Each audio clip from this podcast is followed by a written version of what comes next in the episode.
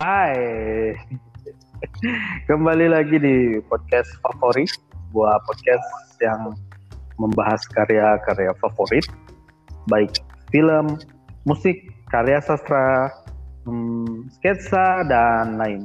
Oke, untuk episode kali ini, hmm, Lingkar Bahasa podcast, podcast Lingkar Bahasa, podcast favorit Lingkar Bahasa menambah sebuah program lagi yang terilhami dari nggak terilhami sih sebenarnya. Uh, niru dari programnya Joko Anwar ya kan? Yang berjudul audio commentary. Jadi uh, audio commentary adalah sebuah program yang membicarakan proses pembuatan film. Oke okay. jadi uh, tentu film sendiri yang akan dibahas pros prosesnya gitu. Kalau film orang lain mana mungkin kita ngerti gimana prosesnya kan. Jadi mumpung Lingkar Bahasa udah buat beberapa karya film pendek, apa salahnya uh, kami bagi cara atau proses pembuatannya proses pembuatannya kemarin lah.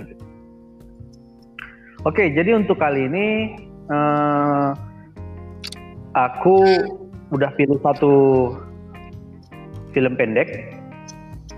Kalian kalau sedang sedang menonton eh, kalau kalau kalian sedang mendengar ini, kalian harusnya udah nonton film film pendek kami berjudul Untuk Apa. Jadi film ini udah diputar di YouTube. Coba cari aja bit.ly slash LB untuk apa? bit.ly slash LB untuk apa?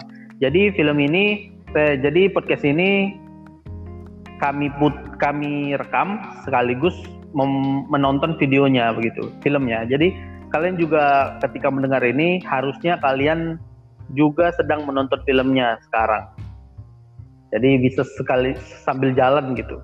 Oke, okay, film kali ini adalah um, untuk apa? Disutradarai sutradarai oleh aku MSA diperanin dengan sangat baik oleh Anissa Emi yang mana udah kita undang ke sini dia untuk ngobrolin bagaimana prosesnya. Dan DOP-nya Faradina Barkah asisten sutradaranya adalah Alpang Ribuan makeup artisnya adalah Rara hmm, juga kameramennya adalah Dea dan itu adalah teman-teman lingkar basah bagian lensa gitu. Oke, okay, uh, eh, di sana udah tersambung kita dengan Emi. Hai Emi. Hai Bang. Anissa Emi. Terakhir kali kita ngobrolin tentang karya sastra-sastra klasik ya Emi ya iya, di podcast ini. Iya. Oke, okay. Emi, um, gini, coba ceritain sebelum kita mulai nih filmnya, hmm? uh, coba ceritain dulu Emi di sini jadi apa nih, Emi? Uh, Emi di film untuk apa ini berperan sebagai mamanya Gito, seorang Mama Gito. penjahit, seorang penjahit di mana telah uh, kehilangan suaminya dan harus membesarkan seorang anak yaitu Kito. Terus ya itu aja sih bang berperan sebagai mama. Iya. Oke, okay. um, sebelum kita bahas kesulitan-kesulitannya, oke, okay, kayaknya langsung aja deh kita tonton filmnya sama-sama. Kalian juga kawan-kawan yang dengar kan bisa tuh putar Spotify sekaligus putar YouTube bisa tuh kalian putar sekalian filmnya sekalian dengerin ngobrol ini oke okay, Mi play satu dua tiga play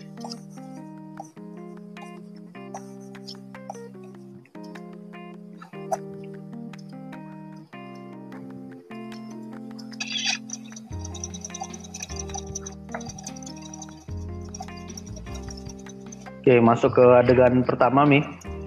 Di situ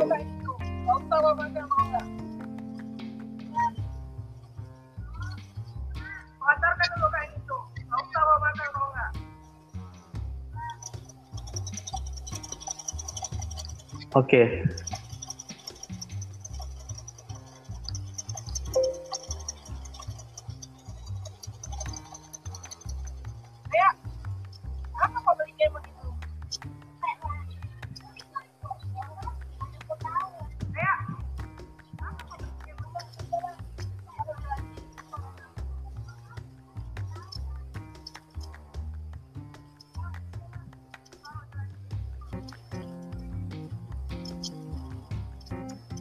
Oke Mi.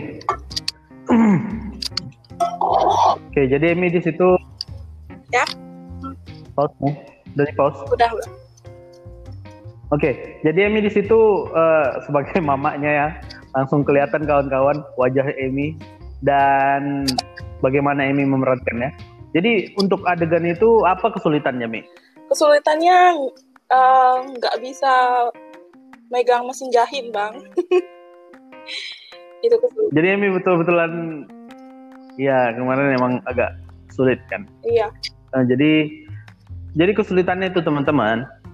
Jadi kalau kalian pikir film itu udah jadi film aja gitu, tapi enggak sebenarnya proses prosesnya panjang. Jadi aktor ini ini kayak Emi nih kan. Emi belum pernah yang namanya megang mesin jahit barang sebentar pun terpikir pun nggak dia untuk memegang mesin jahit gitu. Jadi di sini artisnya, aktornya harus mm, mampu meyakinkan kita kalau dia adalah benar-benar tukang jahit. Jadi ini adalah sesuatu yang berat karena baru ya kan iya, nih untuk peran sebagai mesin tukang jahit ini. Jadi uh, di situ tadi ada ada anak-anak nih. Iya bang.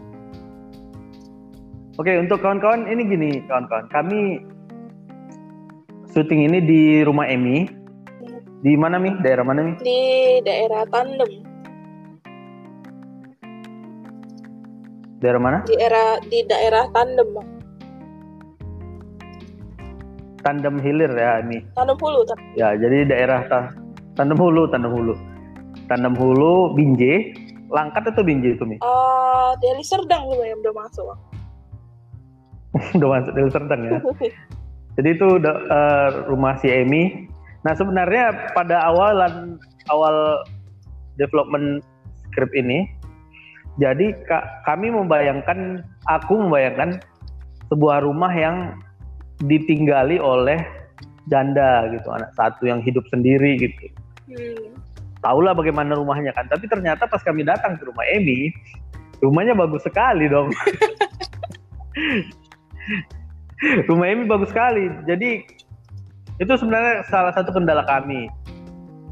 Dalam pembuatan film ini jangan sekali lagi jangan kalian pikir akan mudah gitu. Karena menentukan lokasi segala menentukan hari untuk syuting karena kan ini bukan sesuatu yang menghasilkan uang dan semua orang mau gitu. Ini kan hobi e, harus menyisihkan waktu untuk bisa mengerjakan ini gitu. Hmm. jadi kami pilih rumah Amy dan rumahnya gede bagus gitu udah dindingnya aja keramik. Bayangin tuh kawan-kawan. Kalau kalau rumah biasanya biasanya yang aku gambarin sih yang aku gambarin di kepala aku rumahnya ya semi permanen atau eh, papan gitulah. Yang aku bayangin ternyata rumahnya bagus. Tapi itu membuat sebenarnya walaupun begitu kawan-kawan ini membuat sebenarnya justru orang akan lebih percaya dan relate kenapa karena ini kan benar-benar ada seorang ibu janda ditinggal mati oleh suaminya gitu. Jadi iya kan nih. Jadi uh, jadi justru membuat orang percaya oh ini rumahnya waktu waktu suaminya masih ada gitu. Uh, menurut Emi gimana? Iya bang, menurut Emi sama sepemikiran sama abang kan. Mungkin pas uh, suaminya masih hidup, si suami ini pekerjaannya lumayan mapan jadi punya rumah yang lumayan lah untuk ditinggalin. Ya. Jadi Emi, um, ini kan ada nih adegan yang kita cut in ke mesin jahitnya kali tuh, ke apanya sih, ke jarumnya kali. Kan dekat tuh kan iya, nih. Nah itu bisa kan itu kan bisa di apa bisa jahit nih. Siapa tuh yang jahit? Itu yang jahit Mama Emi bang.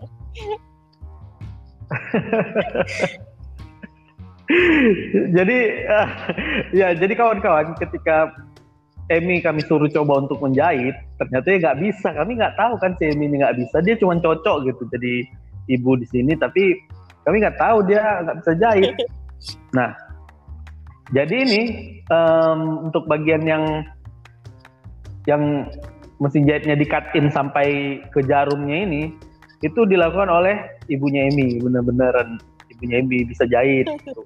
dan juga penjahit juga Iya. Emi. Zaman dulu. Zaman dulu ibunya Emi penjahit. Jadi ini justru diambil sebelum syuting, Iya, ya kan? Bang. Itu pun karena ide briliannya Bang Akbar lah jadi seperti itu. Alah, jangan gitu dong. kan? Iya, Bang. Saya merasa tidak enak gitu. Oke, em, jadi kan di situ ada anak-anak itu, Mi. Itu siapa, Mi? Itu tetangga. Nengok tetangga ada anak-anak kecil dipanggilin. Dipanggilin. Kalian mau duit gak mau duit gak gitu? Gak ya, Mi? Gak gitu ya. Kok dadakan gitu. Aktor dadakan. Jadi kawan-kawan, eh, itu adalah teman eh tetangga Emi. Jadi gini nih kawan-kawan, biasanya kalau Lingkar Bahasa bikin film itu effortnya nggak terlalu gede gitu, nggak ada pergi jauh-jauh ke mana-mana. Ini ini ini betul-betul udah ngerepotin keluarga si Emi nih. Pakai rumahnya, tetangganya itu mesin jahit pinjem dari tetangganya. Dan itu ngatur anak-anaknya sulit sulit sekali Iya, tuh ya kan nih. sulit sekali ya ampun. Sulit sekali tahu lah anak-anak kawan-kawan kan. Nah jadi kita next saja mi. Eh, masuk ke coba agak digeser ke bagian Gito mulai dari Gito disuruh masukin uang. Oh, masukin uang ya bang. Oke. Ya. Play. Oh. Oh, sebelum belum ya? sebelum mi. Oh. Mundur dikit. Masih di luar ketika si Gito Oke. masih di luar. Oke. Udah Mi? Ah, oke.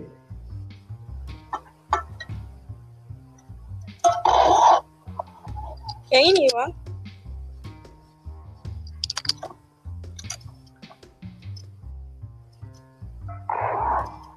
Emi?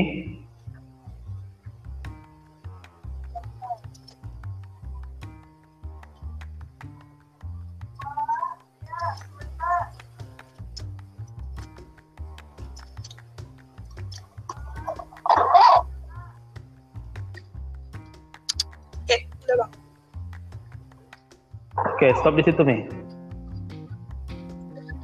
Oke, jadi kawan-kawan, eh, tadi ada adegan Gito terlihat eh, menghitung uang gitu kan.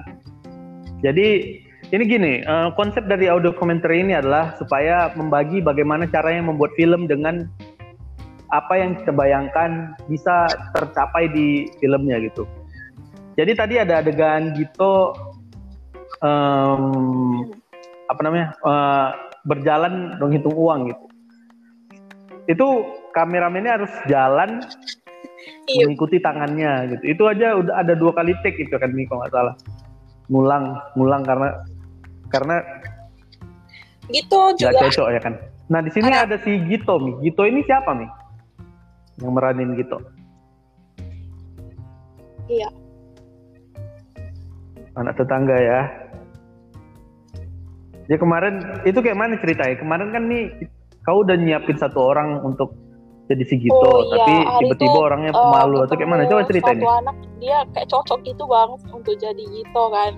Karena di cerita ini katanya bakalan untuk gendong si Gito gitu. Jadi kepikiran, wah Mhm. kalau gendong anak kecil harus cari yang kecil nih gitu. Udah dapet. Nah ternyata si anaknya ini pemalu, nggak berani. Ya udah deh. Jadi terpaksa harus nyari pengganti. Dan tiba-tiba ketemu eh, kepikiran untuk Hmm. anak si ini si Gito pemeran Gito yang ini gitu jadi namanya si Fair Siapa namanya Mi? Oh, Iya, jadi si Gito ini Umur diperanin oleh Fair kawan-kawan. Eh, Umur berapa dia, 10 Mi? tahun kayaknya bang iya Kelas-kelas 3 atau 4 gitu ya? Hmm. Jadi ini kawan-kawan tadi ada adegan eh, Gito ya, Gitonya jalan bawa uang, terus ketika sampai di Kaleng, ya kan, ketika sampai di Kaleng, uang Gito dikantongi, uangnya dikantongin sama Gito sebagian gitu. Nah kita belum tahu untuk apa, tenang, nanti kita akan ceritain ke depan. Oke, tadi ada adegan juga Gito nutup nutup kaleng ya kan? Ditutup kaleng lalu dibuka dibuka dompet oleh ibunya si mama ini yang diperanin oleh Emi. Jadi itu kawan-kawan um, kamera dimasukin ke dalam kaleng lalu si Gito datang menutup lah gitu. Jadi kamera dibiarin di kaleng stuck kan. Gito betul-betul nutup. Jadi pas dia gelap langsung di cut masuk ke adegan si mamanya ini buka dompet. Jadi dia nggak terasa jumping gitu. Iya, betul bang. Pas di dompet juga kameranya dimasukin dalam dompet, ya kan nih? Kami masuk dalam dompet, di situ kameranya terus stuck dan itu nggak diletak gitu. Kami kameramennya megangin dari bawah, kawan-kawan. Sambil uh, mamanya ngitung dan bilang kurang 100 gitu. Kenapa kurang 100? Oke, kita next nih. Satu, dua, tiga, play.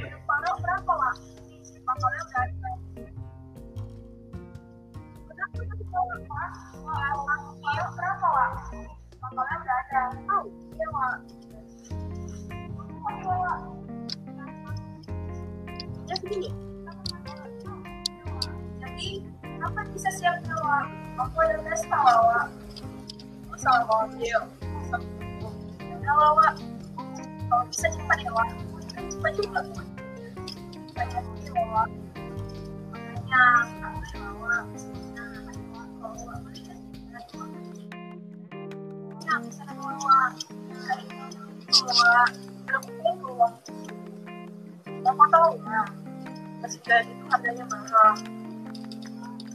Ya lah, kalau kamu saya, udah lah.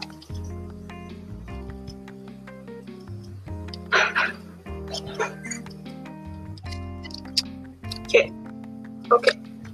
Cut. Oke, Mi. Oke.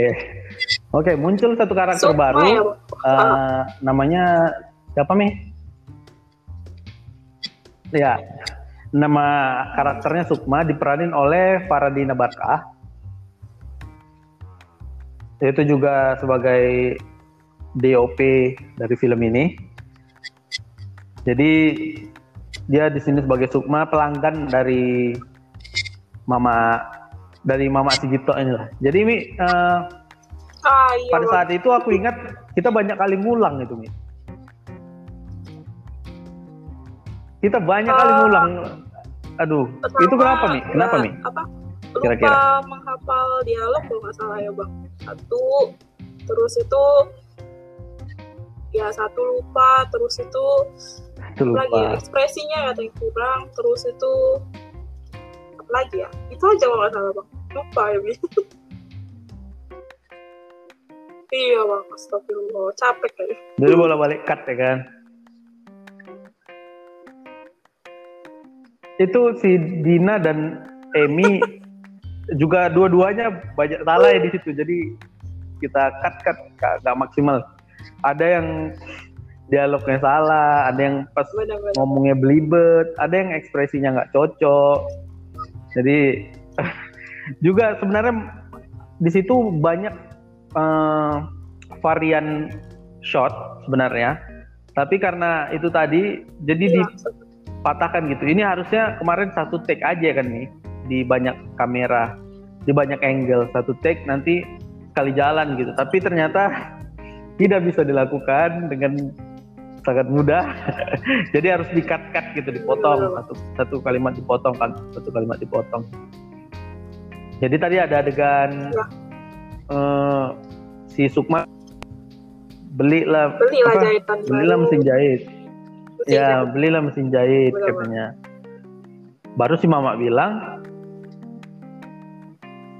bilang apa Ah, tadi Mama? Aku udah aku udah ada duitnya, tapi cuman Eh, tadi eh, tadi terlihat jelas ya kawan-kawan ke em, adegannya adalah Mama mengusahakan menyelesaikan jahitan dari Sukma tadi secepatnya gitu. Jadi pertama dia di luar lalu masuk ke dalam. Jadi tadi juga eh, ada disorot ya, ya. foto ya kan frame foto. Itu itu sebenarnya foto foto siapa itu nih? kita hanya kakak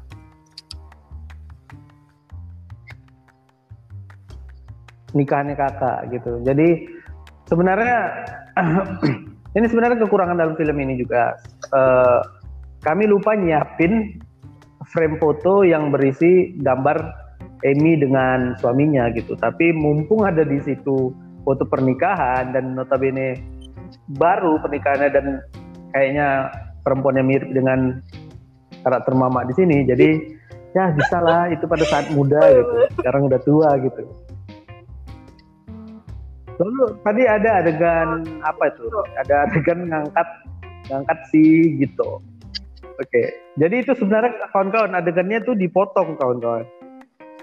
Uh, adegannya itu panjang ke kamar. Meletakkannya di tempat tidur gitu. Kameranya ngikut gitu hand, si Emmy dari belakang gitu. Jadi Mi, kenapa itu di situ harus iya, dipotong? Kau tahu nggak jawabannya? Karena Anda ketawa dong. Iya, iya, iya. Jadi kawan-kawan, uh, untuk ngangkat tetangga itu tetangga sendiri terus Bener. dicium itu gak mudah loh kawan-kawan. Tetangga loh. Siapa tahu nanti oh, anaknya gede iya. terus orang ini jodoh kan kita nggak tahu. Makanya itu agak awkward gitu, agak awkward. Jadi pas oh, Emi gendong dan anaknya berat juga Mi ya. Iya, Nah, jadi si Fair ini si Fair ini agak berat kawan-kawan. Berat dia. jadi si Emi pas ngangkat dia ketawa gitu. Jadi memang nggak sepanjang jalan ketawa, sepanjang adegan itu ketawa enggak. Cuman pas ngangkat aja dia senyum itu kan merusak kali kan. Jadi aku cut semuanya gitu langsung pas diangkat sampai ke ke kamar gitu, langsung dikat gitu aja. Lalu pas adegan cium itu, itu kayak, ada perasaan kau cium anak tetangga ya udahlah cium aja lah gitu. Pikirannya bang. Iya anak-anak. Anak-anak juga ya kan mi? Bukannya dia udah besar. Untung masih anak-anak gitu yang dicium gimana mi? Bahaya. Jadi kawan-kawan uh, apa tadi mau aku bilang? Uh, sekali lagi kawan-kawan nggak mudah loh bikin film. Demi kan senyum tetangganya.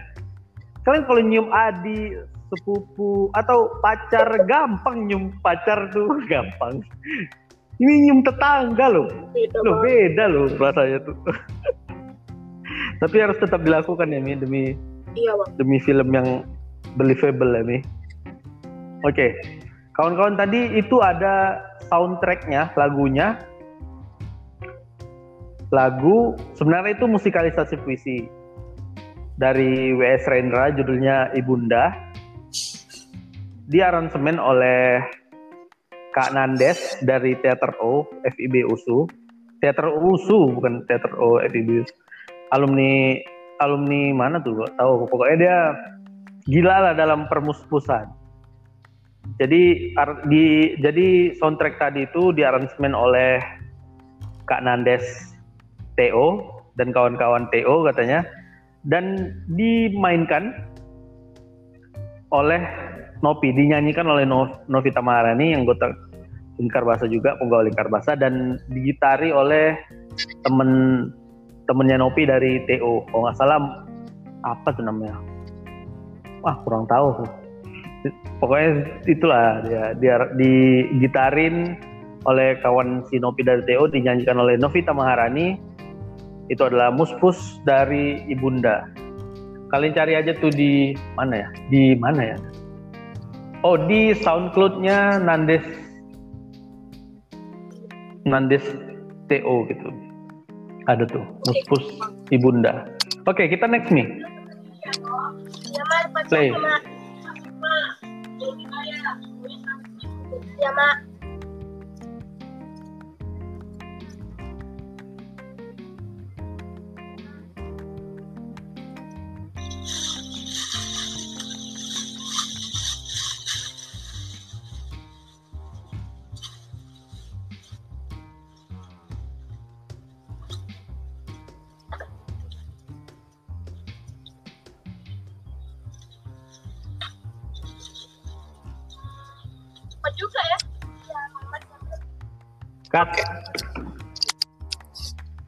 Oke, Mi. Tadi adegan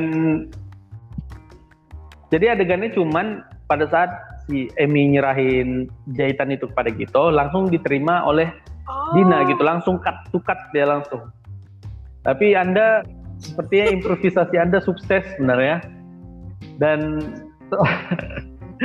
ada adegan salam tadi jadi oh, iya. uh, kearifan lokalnya dapat lah kalau anak-anak SD itu masih salam kepada orang tuanya dikasih duit gitu nah itu itu kayak mana nih sebenarnya? Kan, naluri atau apa tuh? Kayaknya naluri Tiba-tiba nyalamin anak. Iya.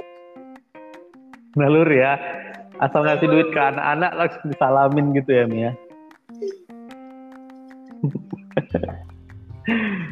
Oke, okay. hmm, tadi juga ada adegan uh, dia Emi bilang ke Gito uangnya belum dibayar berapa seratus ribu ya kan nih Oke, coba kita lanjut dulu. Play, satu, dua, tiga, play.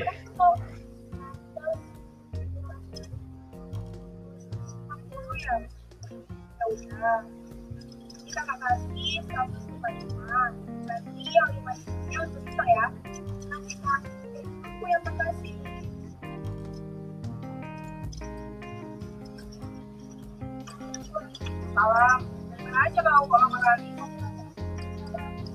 oh ya udah. Mana uangnya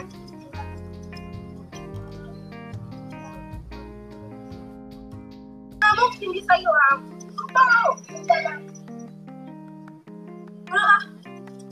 mani kok sana. Kontrakan mana lagi. Sekolahkan malah pintar. Malah bodoh. Makan aja banyak banyak. Oke, jadi kawan-kawan ketika tadi Dina menerima atau si Sukma tadi menerima jahitannya terus Sukma nanya berapa? katanya. Kata mama berapa toh terus dijawab gitu 150 kan memang dari awal nggak ada deal soal harga di adegan sebelumnya pada saat uh, Dina meng-hire mamanya ini untuk jasa penjahit kan. Jadi ditanya 150 oke di situ kan udah jelas kalau Gito berbohong kan tapi Berarti ada uang 50 ribu yang didapat Gito plus uang yang diambil dari kaleng tadi kawan-kawan.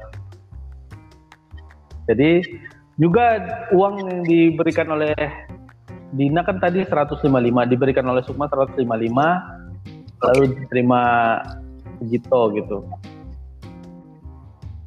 Jadi pada saat Pak Ir datang, eh, si Gito datang ke ibunya untuk menyerahin uang, ya kan? Nah itu kan gini nih, ini ini adegannya pada hari yang sama pada waktu yang sama ya kan. Jadi jadi kami berusaha membuat si Pak Irin nih, si Gito ini berkeringat baru habis olahraga gitu.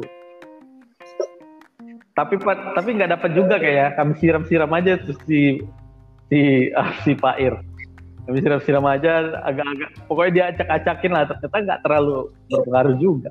Pas datang ini yang salah satu yang menarik Emi. Kau acting merepet di sini Mi. Merepet. Yang mana? Karena kalau orang nggak biasa dia kan nggak pandai merepet. Kau kenapa bawa emosi juga kan? Kayak wah mama yang kayak itu oh Iya, Jadi Pak. kau di situ benar-benar ngerasa kesel yang sama gitu dengan Iya. dengan yang dialami karakter mama ini ya. Berarti Emi mampu mendalami skrip yang ditulis dan diperanin dengan baik lah gitu. Oke, okay, kita next kan dulu. Sebentar, sebentar nih. Um, si Gito ini, kawan-kawan, Pak Ir. Nah, untuk kalian yang belum tahu dan belum pernah, mengarahkan anak-anak untuk acting itu sulit ya minta ampun, sulit sekali. Jadi iya. di sini memang kalau dilihat-lihat kekurangannya adalah anaknya masih terlihat kaku ya Mia. Kalau kau ngerasa gitu nggak Mia? Iya, ngerasa kalau acting si gitu. Fair ini cukup aja gitu? Hmm, bener-bener. Kepas saja ya. Yang penting bisa bawa dialog gitu doang masih ya. Iyalah, karena kan memang ya direkturnya siapa kali ya kan. Dan aktornya juga baru ini, baru ini kerasa main di kamera selain di TikTok rasa. Jadi ya gimana lah. Sulit nanti kita ceritain setelah film ini selesai okay. ya. Kita ceritain gimana sulitnya. Oke. Okay. Next nih.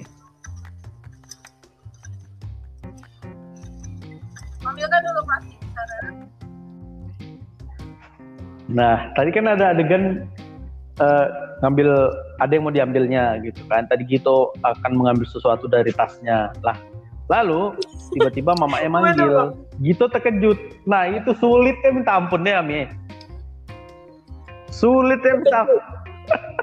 Cuman bikin adegan uh, si Gito terkejut secara natural gitu. Sulit ya minta ampun. Nanti Iya mukanya lucu iya, jadi betul. harus dapat betul-betul terkejutnya betul-betul dapat ya kan ini.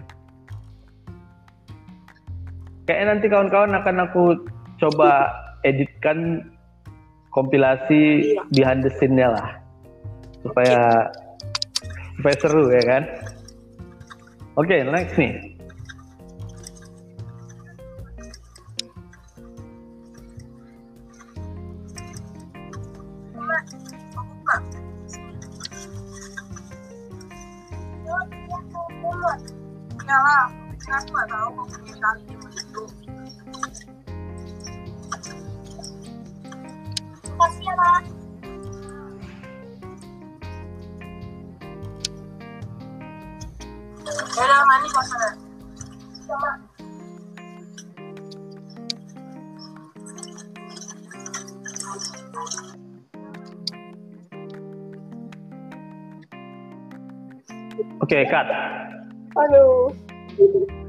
Oke, Mi.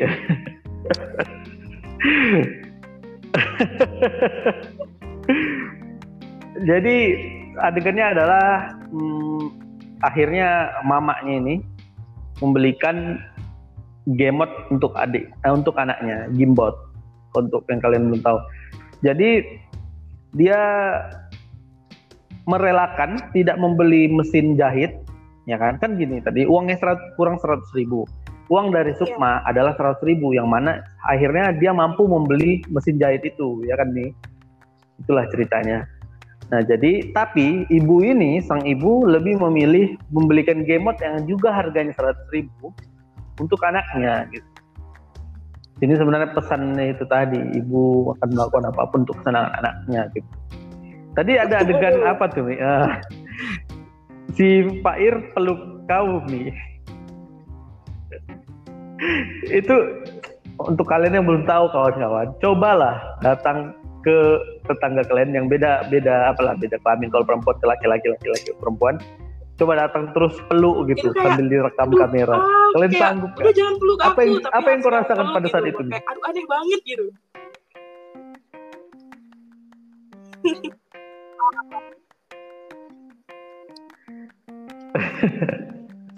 Jadi ada adegannya, aduh kawan-kawan, di sini memang agak sulit ya Mia. Mau apa tuh? Melakukan hal yang tidak biasa kita lakukan gitu. Kan awkward juga ini pasti. Jadi ini aja juga Senyumnya kau bolak-balik ngulang ya kan nih karena ketawa, kau ketawa senyum Iya, kok senyum. Jadi kan agak aneh kalau orang apa disenyumin gitu. Padahal kan di sini oh. harusnya menciptakan kedekatan antara ibu dan anaknya gitu. Oke. Okay. Oke, okay, kita next saja langsung nih.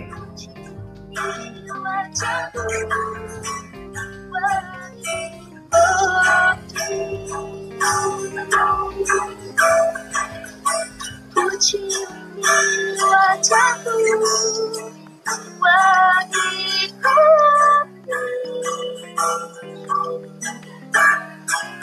bagiku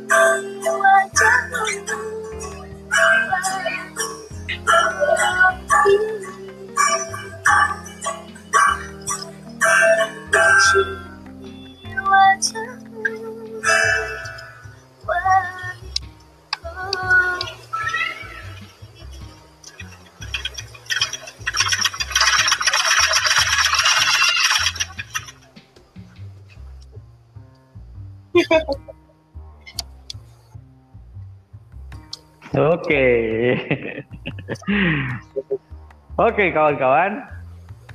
Nah, ternyata uang yang dimiliki oleh Sigito juga dibelikan akhirnya untuk Gimbot ya kan. Jadi ibunya yang sayang kali sama dia ini merelakan tidak membeli mesin jahit untuk membelikan Gimbot anak Gimbot anaknya ternyata anaknya juga membeli itu dengan uang yang salah gitu, dengan uang yang haram.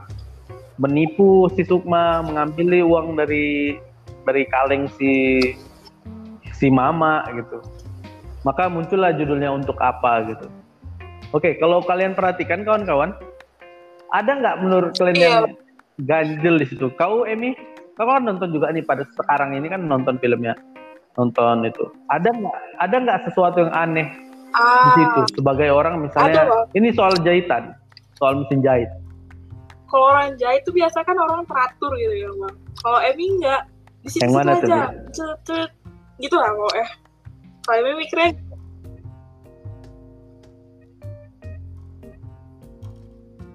itu satu. Yang kedua itu kan kalau mesin jahit harusnya dia muter dia tuh kawan-kawan. Kalau dipijak kan dipijak ah. kayak didayung lah. Jadi yang tadi itu muter-muter. Ah, kalau si Emi, kalau Emi dia balik-balik dia balik. Maju ke depan, mundur lagi. Dia nggak bulat 100% ya kan nih. Seperti Anda butuh belajar lagi tuh Mi untuk itu. Jadi untuk adegan itu kawan-kawan, uh, akhirnya sutradaranya turun tangan untuk memijakkan kaki di mesin jahit. Jadi demi untuk ending yang apa itu kawan-kawan yang yang kena gitu putar langsung muncul judulnya untuk apa dan masuk juga lagu uh, Muspus tadi lagi gitu yang menurut aku emang dalam dan keren kali lah gitu. Oke okay, Mi, um, kalau secara keseluruhan ini, uh, bisa dibilang apa aja yang jadi kendala kalau Emi? karakter sebagai ibu itu yang nggak gampang gitu. Satu, terus membangun chemistry sama si anak okay. si Ito ini yang juga nggak nggak mudah gitu.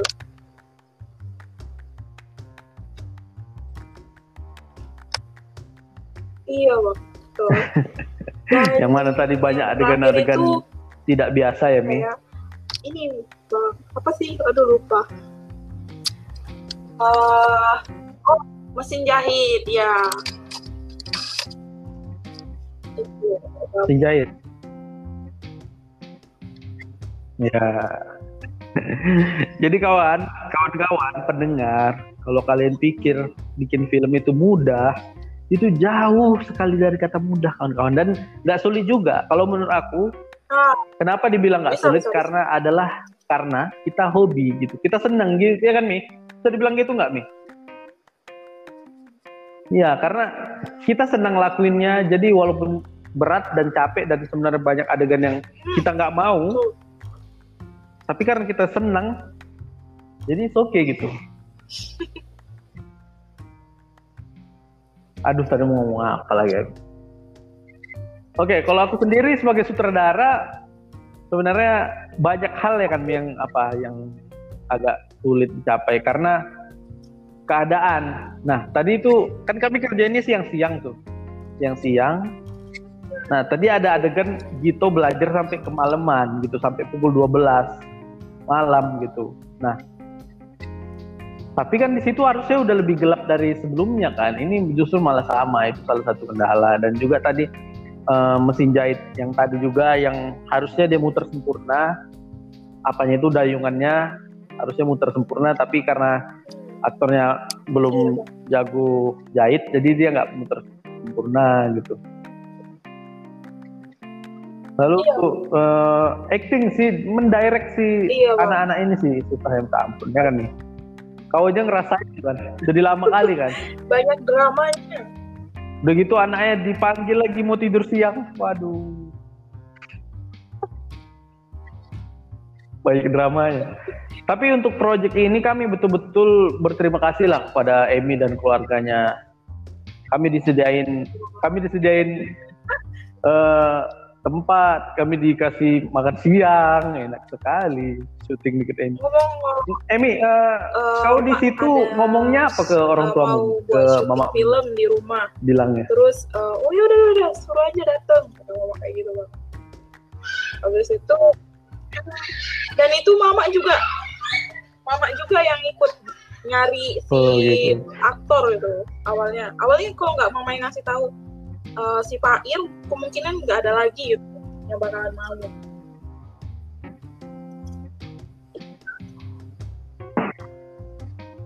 Oh, ya. Emang ini bisa dibilang sebenarnya Mama Emi juga salah satu eksekutif produsernya nih. Dia yang mendanai film ini. Oh, Oke, okay, semoga keluarga sehat-sehat ya, Mi. Semoga Mama sehat. Jadi kawan-kawan, um, selama ini kawan-kawan, kalau tadi udah sempat disinggung kalau kami uh, tidak mau mengeluarkan effort apa-apa selama ini selain selain kami pergi ke sana kemari lah capek segala macam itu nggak termasuk effort. Jadi di sini yang pertama keluar uang sudah keluar uang untuk produksi ini kawan-kawan yang pasti adalah konsumsi dari keluarga Emi dan rumahnya. Juga pada akhirnya kita sungsuman iya, ya nih, tetean ngasih anak-anak itu uang jajan ya Mi. Ngasih uang jajan dan iya, Gmod itu kawan-kawan. Gimbot itu satu dikasih ke Fair, ya kan Mi? Dan dia dikasih jajan gitulah untuk untuk jajan dia gitu. Hmm. Oke sekali lagi kawan-kawan, aku mau tekankan kalau membuat film itu nggak nggak gampang, butuh dana, butuh keahlian, butuh iya. butuh persiapan yang menda yang lama ya kan mi. Kita berapa kali briefing untuk belum syuting itu. Kami harus pergi jauh ke ke rumah Emi yang jauhnya kayak aduh jauh jauh Jauh sekali lah pokoknya lewati gunung mendaki lembah, lewat Megawati lagi tuh biji itu. Nah jadi, nah untuk kalian yang masih nonton film yang tidak legal atau bajakan, tolong kawan-kawan. Apalagi film Indonesia kawan-kawan. Aku just, aku tentu kami tentu nggak mau film kami hanya sampai di YouTube saja. Saya ingin juga masuk sebagai industri film. Saya ingin juga kawan-kawan ini juga pengen jadi bagian dari sinias Indonesia gitu. Coba aja, ayo kita tonton yang legal lah, yang legal jangan. Iya, sampai habis itu maka waktu Karena yang capek bikin ya, kawan. Ya kan ini menurut Emi gimana Mi? Harus banyak pengorbanannya.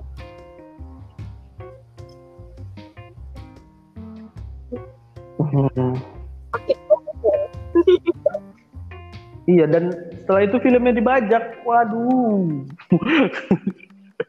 Sakit kalau kalian mau dengar tentang pembajakan silahkan dengar podcast sebelumnya episode 14 di situ aku ngomongin aku meracau tentang pembajakan film. Gitu coba denger aja lah. Kalian akan paham kenapa orang-orang menyerukan jangan tonton bajakan lagi. Sama. Oke, okay, um, untuk episode kali ini aku pikir cukup Emi. Terima kasih udah menyediakan waktunya Emi. Nah, uh, next time mungkin kita bikin lagi Emi, kami akan nyusahin keluargamu lagi. Dongkolnya di belakangan ya, Tidak apa-apa dong. Kalau sekali dua kali sih tidak apa-apa dong.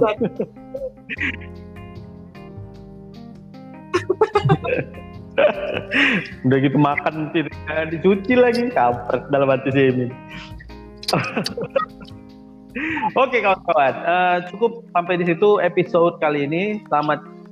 Semoga film ini eh semoga. Semoga ya semoga film ini bisa jadi salah satu apa ya bisa menyampaikan pesan yang baik untuk kalian terhadap kasih sayang ibu dan juga terhadap berperilaku baik gitu, tidak korupsi dan tidak mencuri gitu. Karena ini mi um, sebenarnya skrip ini skrip ini aku tulis untuk lomba film pendek KPK gitu kemarin rencananya. Jadi soal korupsi gitu. Jadi ceritanya dalam bayangan aku, oh, oke okay, ini kita harus memulai tidak korupsi dari kecil gitu. Nah karena adanya sayang ibu gitu, iya. karena Benar, ada kasih benar. sayang orang tua yang sebenarnya mencukupkan kebutuhan kalian, tapi kalian hanya butuh sabar. Amin ya. Oke, semoga pesan ini dapat tersampaikan dengan baik lewat film yang kami Amin. buat dan semoga kami akan terus membuat film yang bagus Benar, lagi. Kalau paling nggak menurut kami bagus, ya kan? Paling nggak menurut kami bagus. Ini film bagus ini menurut kami, walaupun kekurangan di sana sini. Oke, eh, sampai jumpa di podcast selanjutnya.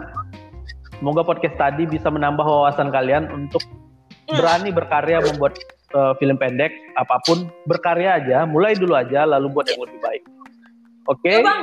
eh, dan bye